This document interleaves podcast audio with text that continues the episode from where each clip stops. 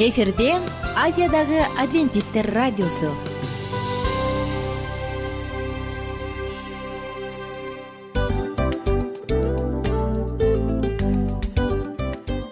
Достор салют. Баардык сүйүктүү угармандарыбызга салам айтабыз. Кутман күнүңүздөр менен. Ден соолук өмүрдүн булагы демекчи саламат саамы программасында баарыңыздарды көргөнүбүзгө абдан кубанычтабыз. Анда алгач амандашып өтөлү арбаңыздар деп. Ден соолугуңуздар кандай элибизде көбүнчө ден соолук кандай дегенде эле жакшы деп жооп беребиз э? ооруп турсак дагы жакшы дейбиз. Анан мен муну айтып ойлойт элем бул абдан сонун сөз депчи анткени бул жакшы деген үмүт да э ооба баары жакшы болот. Баары сонун. Деп үмүттөнүп атып эле өзүбүздү өзүбүз дарылап коебуз. Анысы кандай? Сиздин дагы ден соолугуңуз жакшы беш деген үмүттөбүз чындыгында ден соолук бул өмүрдүн булагы деп бекеринен айтылган эмес деп ойлойм. Кыргыз элинде анткени эгерде ден соолук жок болсо анда адамдын жашоосунда калган баардык керектүү маңыздуу нерселер өзүнүн баалуулугун жоготуп коет. Ошондуктан ден соолук бул эң керектүү нерсе. Ооба туура айтасың кесиптешим чынында ден соолугуң жок бир эки үч күн ооруп калсаң эле э кандай болуп калат? Жашоодо көз каранды болуп каласың көп нерсеге жетишпей каласың көп нерсени кыла албай каласың жада калса эшикке дүкөнгө да чыга албай каласың. Туптуура анан ден соолук болсо демек биз биздин бактыбыз тоодой деп койсок болот. Анда достор саламат саамы рубрикабызды баштайлы. Алдыда өзүңүзгө керектүү болгон сонун кеңештерди уга аласыздар. Мына ошондуктан биз менен бирге болуңуздар. Ал эми биз болсо милан жана айнура. Кеттик алга. Алга саламат саама ден соолуктун жарчысы. Саламат саама ден соолуктун ачкычы. Күн сайын сиз үчүн мыкты кеңештер сонун жаңылыктар кызыктуу фактылар биздин рубрикада.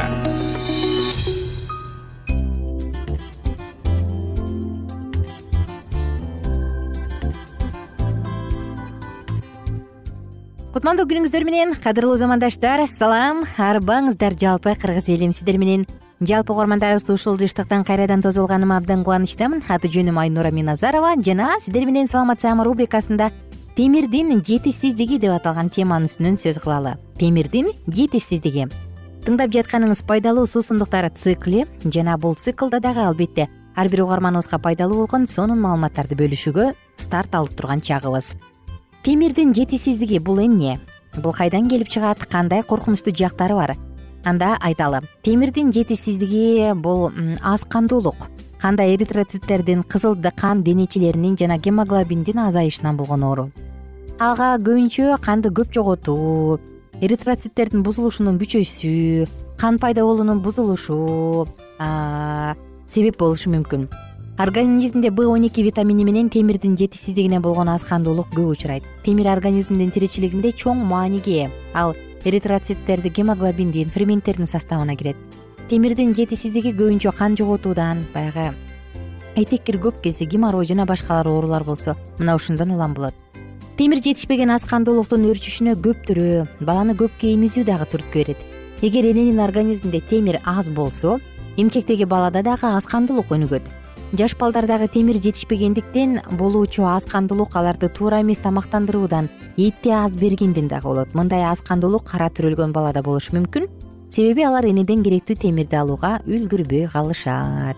Жана ошондой эле организминде темир жетишпеген энеден төрөлгөн кыздарда жыныстык жетилүү мезгилинде дагы аз кандуулук өнүгөт эми темир жөнүндө сөз кылган соң аз кандуулук жөнүндө дагы айтпай кетпесек болбос кандай белгилери бар канда гемоглобиндин төмөндөшү энтигүү жүрөктүн тез кагышы анда эритроциттердин саны анча өзгөрбөй гемоглобиндин сайыны бир кыйла төмөндөйт. Мында оорулук кубарып бат жарчайт баш ооруйт көзү чыбырчыктап башы айланат чачы түшүп тырмагы сынып ичи өтүшү ыктымал. Андай кишилер боор акиташ жегиси келет туздуу өткүр тамакты жакшы көрүшөт.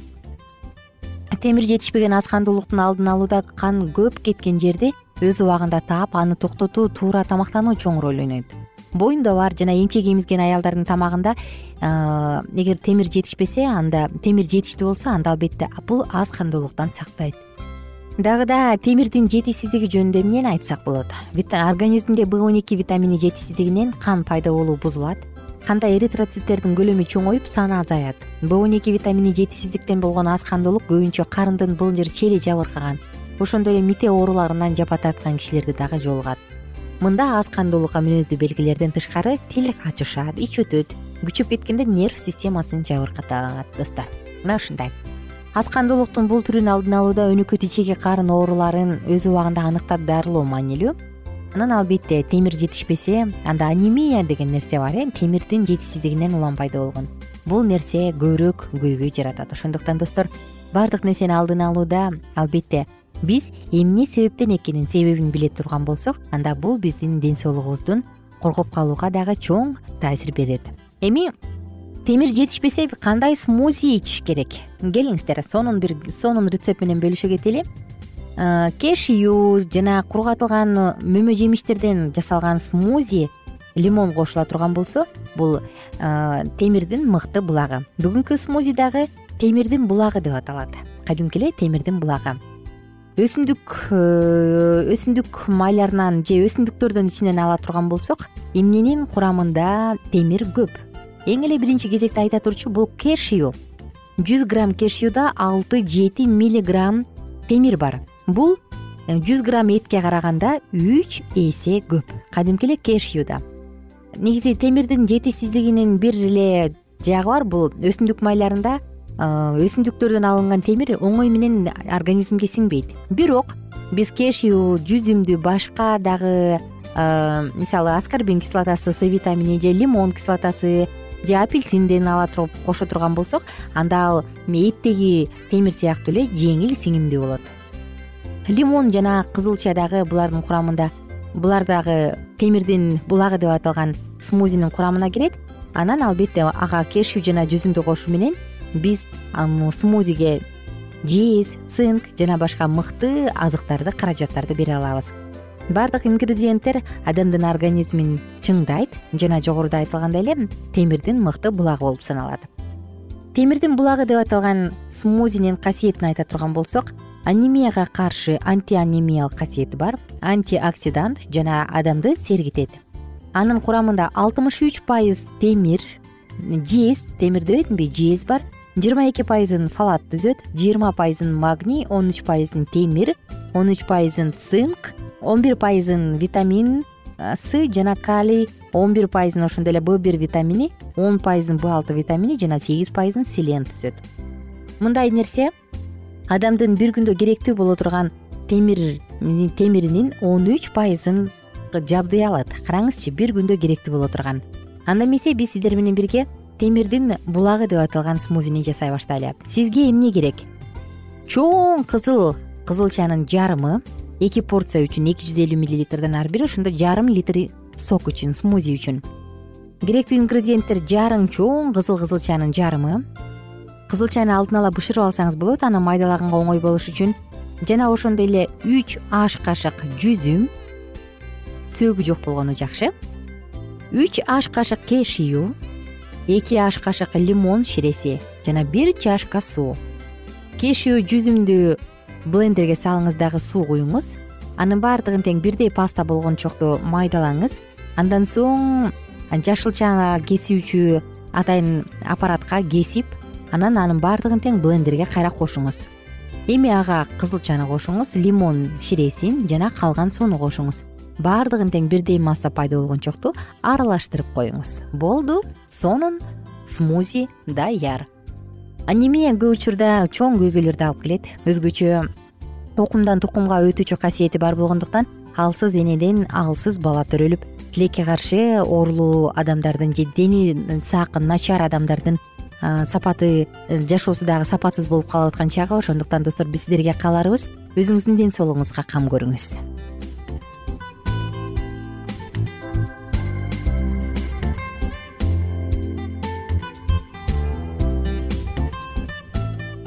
кененирээк маалыматтар үчүн үч w чекит саламат чекит клуб сайтына келип таанышыңыздар. Жана андан тышкары социалдык тармактарда youtube facebook жана instagram баракчаларына катталыңыз. Саламат саама ден соолуктун жарчысы. Саламат саама ден соолуктун ачкычы. Күн сайын сиз үчүн мыкты кеңештер сонун жаңылыктар кызыктуу фактылар биздин рубрикада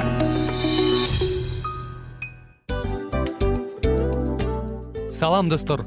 Кайрадан биздин сүйүктүү рубрикабызга кош келиңиздер деп айтмакчыбыз.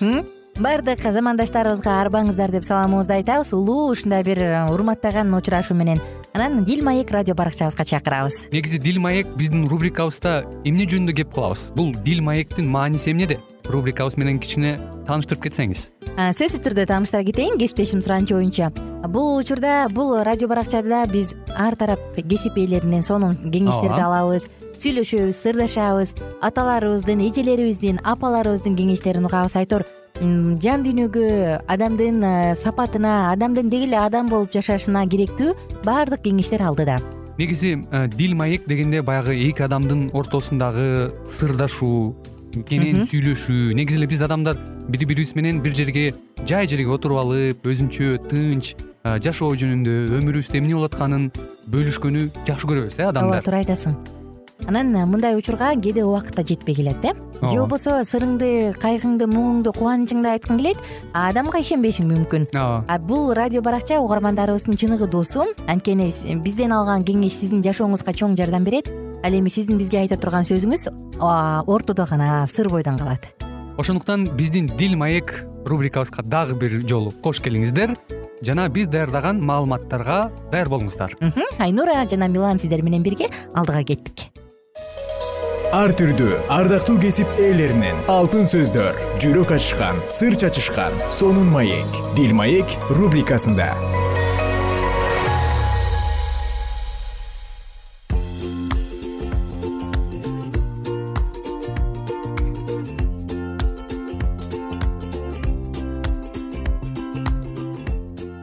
кутмандуу куш убак күнүңүздөр менен кадырлуу замандаштар жалпыңыздар менен амандашып кайрадан дил маек уктуруусу жана сиздер менен бүгүн дем алуунун зарылдыгы жөнүндө сөз кылабыз.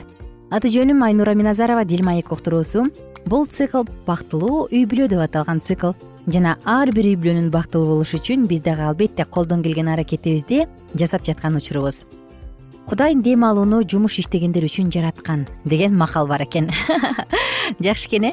Жумуш иштебегендер үчүн эмес жумуш иштегендер үчүн. Кандай дем алуунун зарылдыгы бар? Бул э, дем алуу эс алуу жөнүндө сөз болуп аткан чагы. Дин жагдайын темир шапалак менен башкара турган кандайдыр бир эзүүчү катаал көрүнүш катары жүрөк заадалык менен элестеткен адамдар дагы бар э? Дин десе эле ии тим эле депчи. Мындай адамдар өздөрүнүн бузуктуулугу тууралуу арызданып ыйлакташат жамандыктарын курулай элестетүү менен жалган үшкүрүнүшөт алардын жүрөгүндө адамга боло турган сүйүү жок. Алардын кабыктары ар дайым мүтүрөйгөн сус. Алар жаштардын жана башка баардык адамдардын жазыксыз күлкүлөрүнөн мисирейип жүрөктөрүн муздатышат. Алар ар кандай эс алуулар жана көңүл ачууларды бул күнөө деп эсептешет жана мындай деп ойлонушат. Ар дайым каартуу жана катаал болуш керек деп. Бул албетте чектен чыгуунун бир жагы башкалар адам акылы ар дайым кандайдыр бир жаңы көңүл ачууларды жана оюн тамашаларды ойлоп таап турушу керек деп ойлойт да. Бул ден соолукка демилге берген сыяктуу. Жана алар сезим ойготуучу акыбалдагы жашоого көрүнүшүп мунусуз өздөрүн жаман акыбалда сезип калышат. Бул адамдар башкача чектен чыгуу жагдайына кабылышат. Ишенгендердин чыныгы негиздери баардык адамдар үчүн кубанычтын башаты болуп көрүнөт кеңдиги жана узактыгы тереңдиги жана бийиктиги ченемсиз биз достор өзүбүздүн рухубузду тазалаганга аракеттенип жана өз денебизди татыктуу көңүл ачуулар менен бекемдөө зарыл аң сезимдик жана дене тарбиялык күчүбүздү кудайдын даңкы үчүн колдонууга аракет кылышыбыз керек. Биздин көңүл ачууларыбыз кубануу сезимдеринен ажыраган маанисиздикке окшошуп сергектикке болбой калуусу керек эмес биз өзүбүздүн бош убактыларыбызды бизге пайда алып келип жана биздин сүйлөшкөн адамдарыбызды көтөрмөлөй тургандай кылып өткөрө алабыз. Дем алуучу жана тынчтануучу жана ойлонуучу үчүн дагы бөлүшүлгөн убакыттар болушу керек. Дем аласың бир убакта бир убакта тынчтанасың бир убакта ойлоносуң. Окууда же мекемедеги жумушта иштеп окуп бошобогон адамдар дагы эс алышы керек. Акылды ар дайым күчкө салып иштете берүүнүн кажети жок. Анткени бул кылдаттык менен орнотулган түзүлүш иштен чыгып калышы мүмкүн. Мына ушундай эле акыл эс сыяктуу дене дагы көнүгүүлөргө муктаж. Дене көнүгүүлөрүнө коромчу болгон убакыт боштон бош эле жоголуп кетпейт. Баардык мүчө бөлүктөрүнүн жакшы иштеши үчүн ылайыктуу. Туура келүүчү көнүгүүлөрдү жасоо зарыл эгерде адамдын мээси эле иштеп ал эми калган мүчөлөрү кыймылсыз абалда кала турган болсо денелик дагы жана акыл эстик дагы күчтөр алсыздана баштайт адам өзүнүн мүчөсүндөгү жандуу ткандарынын иш аракеттерин жоготот. Жана жыйынтыгында оорулардын жандануусу башталат. Биздин кантип көңүл ачуубуз керек? Анда эмне кылышыбыз керек? Келиңиздер бул суроого токтолуп көрөлү. Э, жаштар карыган адамдар сыяктуу оор басырыктуу токтоо боло алышпайт э бул алардын табияты эмес. Анткени ал эми балдар ата энелер сыяктуу карманып токтоо боло алышпайт ата энелер жана окутуучулар туура эмес көңүл ачууларды айыптоо менен аларга алмаштыруу үчүн бир нерсе сунуш кылуулары керек. Жаштарды катаал эрежелер менен байлабагыла жана чектебегиле анткени алар өздөрүн кайгылуу сезишпесин. Бекем ак ниеттүүлүк жана камкордук көрүүчүлүк менен өз балдарыңарга жетекчилик көргөзгүлө. Анткени алар силер мунун баарын алардын пайдасы үчүн жасап жатканыңарды түшүнүшсүн балдарга кайгылуу жагдайлардын кереги жок кудайдын буйругу жана убадасы муну колдойт. Даанышмандыктын жолу бул анын жолдору жагымдуу жолдор. Анын багыттары тынчтык багыттар дейт сулайман пайгамбар. Адамзат тарыхынын башталышында жашоо жөнөкөй болгон адамдар жаратылышка жакын жашашкан. Балдар ата энелеринин эмгектерин бөлүшүп жана жаратылыштын кооздугун жаратылыштын байлыктарынын сырларын түшүнүшкөн.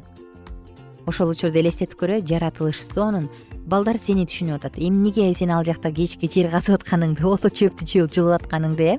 Анысы кандай? Токойлордун жана талаалардын тынчтыгынан алар улуу чындык жөнүндө ой жүгүртүшүп өздөрүнүн касиеттүү ишенимдерин тукумдардан тукумдарга берип келишкен. Мына ушундай тарбия адамдарды күч кубаттуу кылган. Азыркы кылымдардагы адам жашоолору такыр башкача биздин жашоо такыр башкача. Байыркы мезгилдердеги жөнөкөй жашоолорго биздин толук кайрылуубузга мүмкүнчүлүк болбогон күндө дагы баары бир өз бош убактарыбызды кандай болуу керектиги тууралуу дененин акылдын жана жандын чыныгы жаратуусунун убакыты кылып ой жүгүртүшүбүз керек. Достор калаада жашаган бир нече үй бүлө чогулушуп жана айыл жергелериндеги көркөмдүү көмөлөр көлмөлөрүнүн жээктерине же ажайып кооздукка ээ болгон токойлуу жерлерге барып көңүл ачып келүүгө кантип болбосун? Өзүңөр менен бирге жөнөкөй ден соолукка пайдалуу жемиштер же буудай данынан жасалган тамактарды алгыла жана дарактардын көлөкөсүнө же асман чатырынын алдына жайгашкыла. Жол жүрүү убаракерчиликтер жана башка курчап турган жагдайлар аппетиттин ачылышына жардам берет жана баары чогуу тамак ичүүдө падышалар дагы суктангандай рахатка ээ болушат. Сонун учур эс алуу э? Бири бириң менен чогуу эс алып бири бириң менен бир жакка барып баарлашат өткөрө турган болсоң кандай гана жагымдуу жана бул чындыгында мактоого татырлык. Ошондуктан жума сайын болбосо дагы айына бир жолу же кварталда бир жолу айлана чөйрөгө көңүл буруп шаардан четке чыгып эс алып жаратылыштын таза абасы менен кере кере дем алып өзүбүздүн саламаттыгыбызды чыңдайлы. Достор бул программанын соңку мүнөттөрүндөбүз кийинки уктуруубузда андан ары дагы улантабыз. Негизи адам үчүн эс алуу канчалык деңгээлде маанилүү. Муну өзүбүздүн денебиз айтып турат жана жаратуучу дагы алты күн иштеген жетинчи күнү эс алган. Бул бизге табиятыбызга салынган нерсе. Ошондуктан жумасына бир күн сөзсүз эс алып жакындарыңыз менен болгонго аракет кылыңыз. Коштошобуз сиздер менен кийинки уктуруудан кайрадан амандашканча бар болуңуздар. Эс алыңыз эс алчу убакта иштечү убакта иштеңиз. Баардык нерсенин өз убактысы бар. Баардыгы өз убагында болгону жакшы анда эмесе достор күнүңүздөр көңүлдүү улансын. Бүгүнкү күндөгү маанайыңыз беш деген гана санды көргөзсүн. Жана сиздер менен амандашканча сак саламатта туруңуздар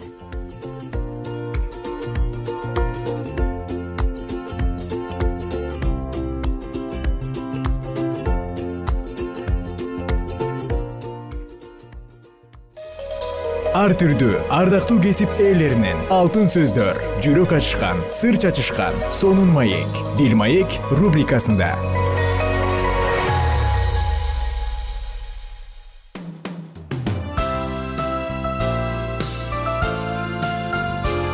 Эфирде азиядагы адвентисттер радиосу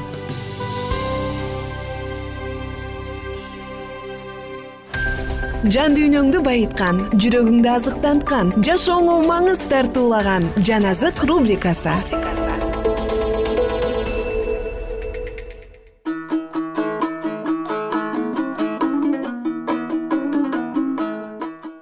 салам достор кутман кушубак күнүңүздөр менен кадырлуу замандаштар жалпыңыздар менен кайрадан жаназык уктуруусун баштадык. Жана бүгүн сиздер менен уктуруубузду улантып инжил китебинен орун алган инжил китебинде жазылган жакан жазган жакшы кабар китебин окуп уланталы.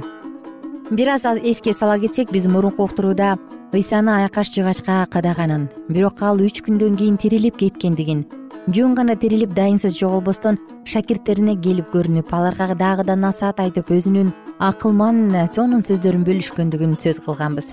Бүгүн андан ары улантабыз. Жакан жазган жакшы кабар жыйырма биринчи бөлүм. Андан кийин ыйса тиберия көлүнүн жээгинде шакирттерине дагы бир жолу көрүндү. Бул мындайча болду. Шимон петр томас эгис галилеянын кана шаарынан болгон натанаэль зебедейдин уулдары жана дагы эки шакирт чогуу жүрүшкөн эле. Шимон петр аларга мен балык кармаганы барам деди. Алар ага биз да сени менен барабыз дешти да барып кайыкка түшүштү. Бирок ал түнү алар эч нерсе кармай алышкан жок. Таң атып калганда ыйса жээкте турган эле шакирттери болсо анын ыйса экенин билишкен жок. Ыйса алардан балдар балыгыңар барбы? деп сурады алар ага жок деп жооп беришти. Ыйса аларга торду кайыктын оң жагынан салгыла ошондо кармайсыңар деди. Алар торун салышты да түшкөн балыктын көптүгүнөн торду кайра тартып чыгара албай калышты. Ошондо ыйсанын сүйгөн шакирти петирге бул теңирибиз деди. Шимон петр анын теңир экенин укканда кийимин кие калып анткени ал жылаңач эле сууга секирди. Калган шакирттер балыкка толгон торду сүйрөп жээкке сүзүп келишти. Анткени алар жээктен анча алыс эмес жерде жүрүшкөн. Алар менен жээктин ортосундагы аралык эки жүз чыканактай эле. Жээкке чыгышканда жагылган оттун чогун жана анын үстүндөгү балык менен нанды көрүштү. Ыйса аларга азыр кармаган балыгыңардан алып келгиле деди. Шимон петр барып чоң чоң балыктарга толгон торду жээкке тартып чыгарды. Тордо жүз элүү үч балык бар экен. Балыктын көптүгүнө карабастан тор айрылбаптыр.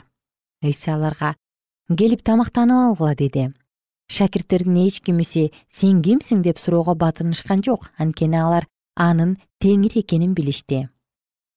Ыйса басып келип аларга нанды жана балыкты берди. Бул ыйсанын тирилгенден кийин шакирттерине үчүнчү жолку көрүнүшү эле. Алар тамактанып бүтүшкөндөн кийин ыйса шымон петирден жунус уулу шымон сен мени буларга караганда көбүрөөк сүйөсүңбү? деп сурады ооба теңир сени сүйөрүмдү өзүң билесиң деп жооп берди петир ошондо ыйса ага козуларыңды кайтар деди. Ыйса андан экинчи ирет жунус уулу шымон сен мени сүйөсүңбү деп сурады. Ооба теңир сени сүйөрүмдү өзүң билесиң деп жооп берди петир ошондо ыйса ага койлорумду кайтар деди. Ыйса андан үчүнчү ирет жунус уулу шымон сен мени сүйөсүңбү деп сурады сен мени сүйөсүңбү деп ыйса үчүнчү ирет сурагандыктан петир капа болуп теңир сен баарын билесиң сен сүйөрүмдү да билесиң деди. Ошондо ыйса ага койлорумду кайтар деди. Чындыкты сага чындыкты айтып коеюн сен жаш кезиңде белиңди өзүң бууп каалаган жагыңа барчусуң. Карыганыңда колуңду сунуп бересиң. Сени башка бирөө байлайт да каалабаган жагыңа алып барат ыйса бул сөздөрдү петир өз өлүмү менен кудайды даңктаарын билдирүү үчүн айтты. Ушул сөздү айткандан кийин ал ага менин артымдан ээрчи деди петир артын карап ыйса сүйгөн шакирттин ээрчип келе жатканын көрдү. Ал кечки тамак убагында ыйсанын төшүнө башын коюп теңир сага чыккынчылык кыла турган ким? деп сураган шакирт эле. Петир ушул шакиртти көргөндө теңир ал эми булчу деди. Ыйса ага кааласам мен келгенге чейин ал тирүү болот. Сенин ишиң эмне? Мени ээрчи деди. Ошондон кийин бир туугандар арасында бул шакирт өлбөйт деген сөз тарап кетти. Бирок ыйса петирге аны өлбөйт деп эмес кааласам мен келгенче ал ушул жерде болот. Аны менен сенин ишиң эмне? деп айткан эле. Ушулардын баарын ошол шакирт жазып алып күбөлөндүрүп жатат. Биз анын күбөлөндүрүүсү чындык экенин билебиз. Ыйса булардан башка дагы көптөгөн иштерди кылган. Эгерде алардын баарын жазып турган болсок жазылган китептер бул дүйнөгө батмак эмес деп ойлойм. Омин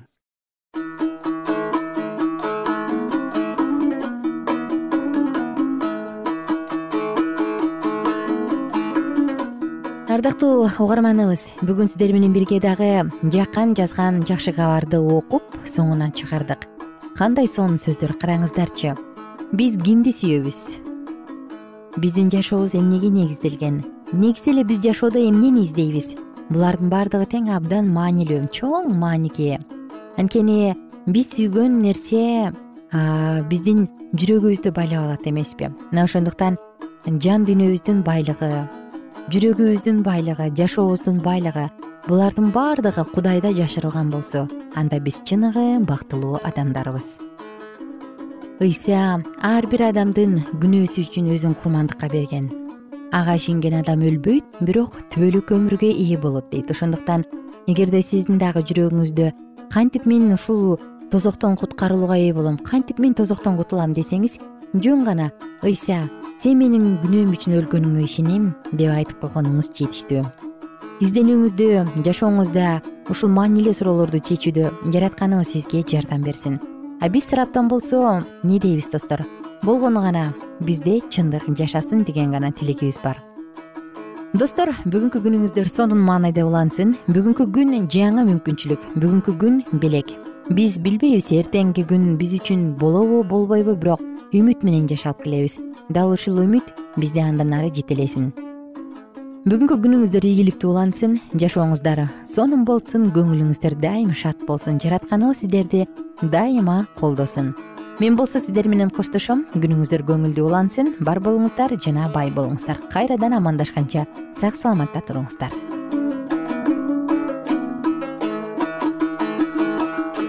Эгер сиздерде суроолор болсо же көбүрөөк маалымат билем десеңиз анда биздин whatsapp номерибизге жазыңыз.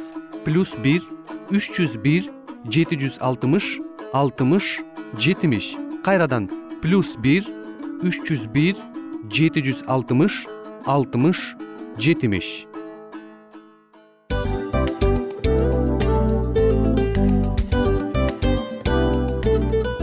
Мына ушинтип убакыт дагы тез өтүп кетет экен биз дагы радио уктуруубуздун аягына келип жеттик. Келип кубандырдыңар эми кетип кубандыргыла деп тамашалап калышат эмеспи анысы кандай? Радио баракчабызды программабызды азыр эле баштап аткандай болдук элек мына соңуна келдик э? Негизи убакыт э, билинбей өтүп кетет экен мен дагы э, убакыт дегенде бүгүн бир адам менен сүйлөшүп калдым. Анан убакыт бул мүмкүнчүлүк деп айтып өзүмө өзүм айтып алып анан мага өзүмө эле кайра ачылыш болду да чын эле. Э Э, карап отурсаң ошол эле жыйырма төрт саат ошол эле жарым саат кайталанып атат.